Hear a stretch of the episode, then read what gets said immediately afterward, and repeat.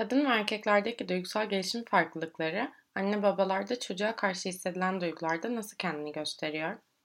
Annelerle yapılmış bir çalışma, babalarla da yapılmış bir versiyonu var. Bu anneler e, bebeklerinin resmine bakıyorlar bu görüntü sırasında, görüntüleme. Bu bir MRI, fonksiyonel MRI ile yapılmış. 1996'da başlamış bir araştırma. Bebeklerin resmine bakıyorlar. Fakat bebeklerin resmine baktıklarında beyinlerindeki hangi bölgelerin aktif olduğunu incelediğimizde ki bu konfirmede olmuş bir, bir çalışmadır. Görüyorsunuz e, bazıları belki bu konulara meraklı olanlarınız varsa özellikle amigdala ve cingulate diye geçen bölgeler insanların genellikle korkutucu, tedirginlik hissettikleri, kaygı duydukları zamanlarda aktifleşen bölgeler. Ve bu sırada tekrar hatırlatayım bir bebek kendi bebeklerin resimlerini gösteriliyor. Onların sesleri dinletiliyor annelere ve e, ve sordukları soru çünkü sor, sorduğumuz soru oradaki şey bu görüntü ne hissediyorsun bebeğinin resmini gördüğünde örneğin 3 aylık annenin söylediği en çok rate edilen, en çok skorlanan duygu korku. Korku. Ne korkusu? Kaybetme korkusu. Başka bir duygu var tabii. Şefkat, sevecenlik, hayranlık vesaire gibi birçok duygu var. Ama en güçlüsü hangisi? Ve nitekim beyin görüntüleri en güçlünün korku, amigdala mesela dehşet durumlarında hissettiğimiz. Çünkü aklımıza gelenler, çocuklarımızla ilgili gördüğümüzde, olabileceklerle ilgili aklımıza gelenler genellikle o andaki o e, adeta keyfi, veya başka şeyi ortadan kaldırıveriyor. Bunu yine başka birçok yerde değişik zamanlarda tartışma bulduğumda e, birisi dedi ki ne korkusu acaba? Bir başkası çıktı oradan. Ayrılık korkusu dedi. Ayrılık. Ya kaybedersem ya bir şey olursa. Kaybedecek bir şey yok. Gayet iyi, sağlıklı, tatlı bir çocuk.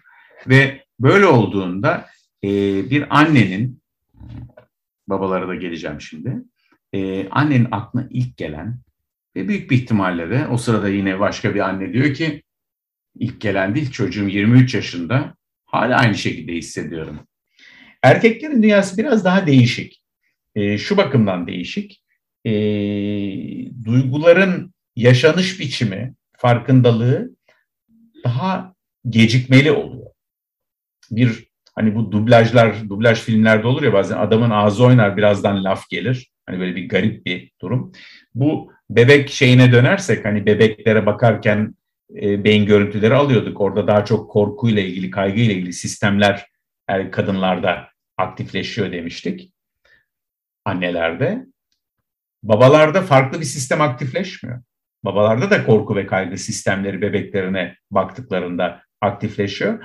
Ama 3 aylıkken, 3 aylık bir bebeğe baba ve e, bakarken 3 aylıkken herhangi bir şey yok. Fazla hareket yok beyinde.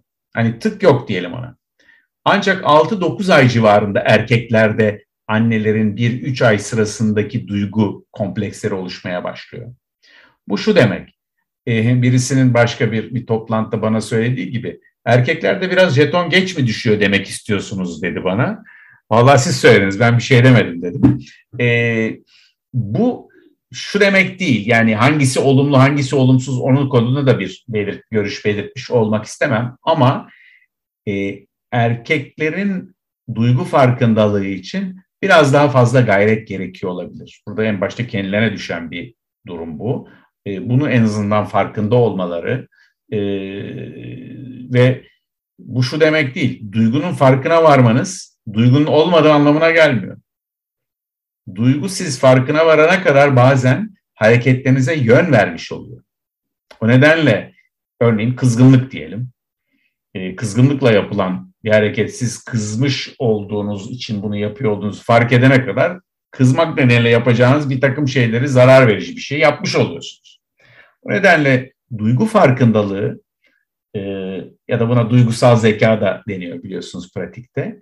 Sadece böyle bir e, bir çiçek böcek tipi bir farkındalıktan bahsetmiyoruz. Tam tersine kritik kararları alışımızda bizim mantığımızı, birikimimizi kullanmamızı engelleyen bir e, özellikten de bahsediyoruz. E, burada e, tabii e, kadın erkek değişik farklar dolayısıyla var. Hangisi daha çok, hangisi daha iyi onu böyle bir kıyaslamada yapmaktansa e, burada bir ihtiyaç üzerinden düşünmek daha önemli. Duygusal gelişim süreçlerindeki cinsiyet farklarında çocuklukta aileyle kurulan ilişkinin bir etkisi var mı? Erkek bebek ve çocukların aileden daha uzak olması ve kız çocukların aileye daha yakın olması duygusal gelişimlerini etkiliyor mu? Güzel, e, güzel bir e, bir kere test edilecek bir hipotez bu. Bir bayağı deney yapacak insanlar için güzel bir e, içgörü. E, şöyle, şimdi tabii burada bu tür bilimsel çalışmalar ya da benim sözlerimde de bazen hani aşırı genellemeler yapıyoruz. Şimdi bu dediklerimize hiç uymayan kadınlar ve hiç uymayan erkekler her zaman var. Ee, burada daha ziyade bir tür daha toplumsal politika belirlemek gibi aslında buradaki konuştuğumuz genel durum ne oluyor diye baktığımızda. Babalarla ilgili o araştırma ile ilgili bir tane enteresan bir veri vardı. Bu dedim ya erkeklerde daha geç o reaksiyon oluşuyor. Yani çocuğuyla ilgili kaygı reaksiyonu babada e, daha geç oluşuyor. Ama gözüken şey şu, eğer o baba, bir baba çocuğuyla küçük bebek olarak doğduğu andan itibaren sürecin içindeyse kadınla birlikte bakım süreci, besleme süreci yani primer ana rolü yine kadın genellikle oynamakla birlikte ne olup bittiğinden haberdarsa yani öyle diyelim. Hı hı. Yani oraya kadar indirebilir şeyi, standartları. Ee, mesela altını değiştiriyorsa arada bir bebeğini ya da eşi banyoya girmişken onun ardından viyaklayan bebeği yatıştırmak için bir şeyler yapıyorsa bile bu reaksiyona, duygusal farkındalık daha erken oluşmaya başlıyor. İnsan teması, insan teması kadar güçlü hiçbir insanı uyandırıcı yok. İnsan temasına aslında kitapların, düşünmenin ya da şurada yaptığımız gibi sohbetlerin kattığı şey yaptığımızı şöyle bir masaya koyup ne oluyor diye bakıyor olmamız. Ve bunu yapmanın bile başlı başına yettiğini. Efendim erkek çocuklarda bu davranışlar besleniyor mu ya da daha çok beslense nasıl olur?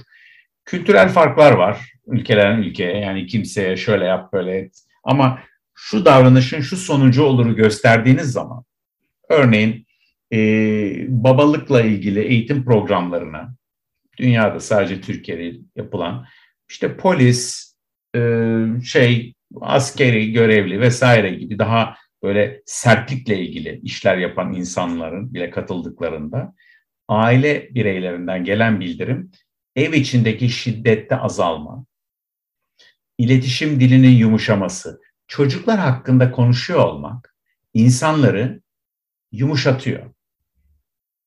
Bir kere daha barışçı yapıyor bir ve bir ortak zemin oluyor. Yani sizinle ben, Ahmet'le Mehmet, Ayşe'yle Fatma çok farklı zeminde olsak bile çocuklarımıza yaşanabilir bir ülke ve bir dünya bırakma fikrine herhalde hepimiz ortağız. Ha bunun nasıl olacağı konusunda farklılıklar var.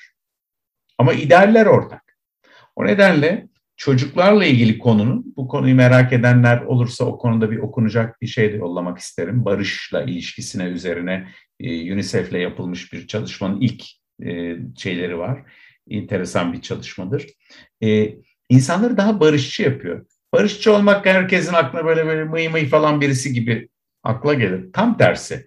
Yani hakkını arayan ama bunu yaparken başkasını ezmek üzerinden hareket etmeyen, iyi davranan insan diyelim.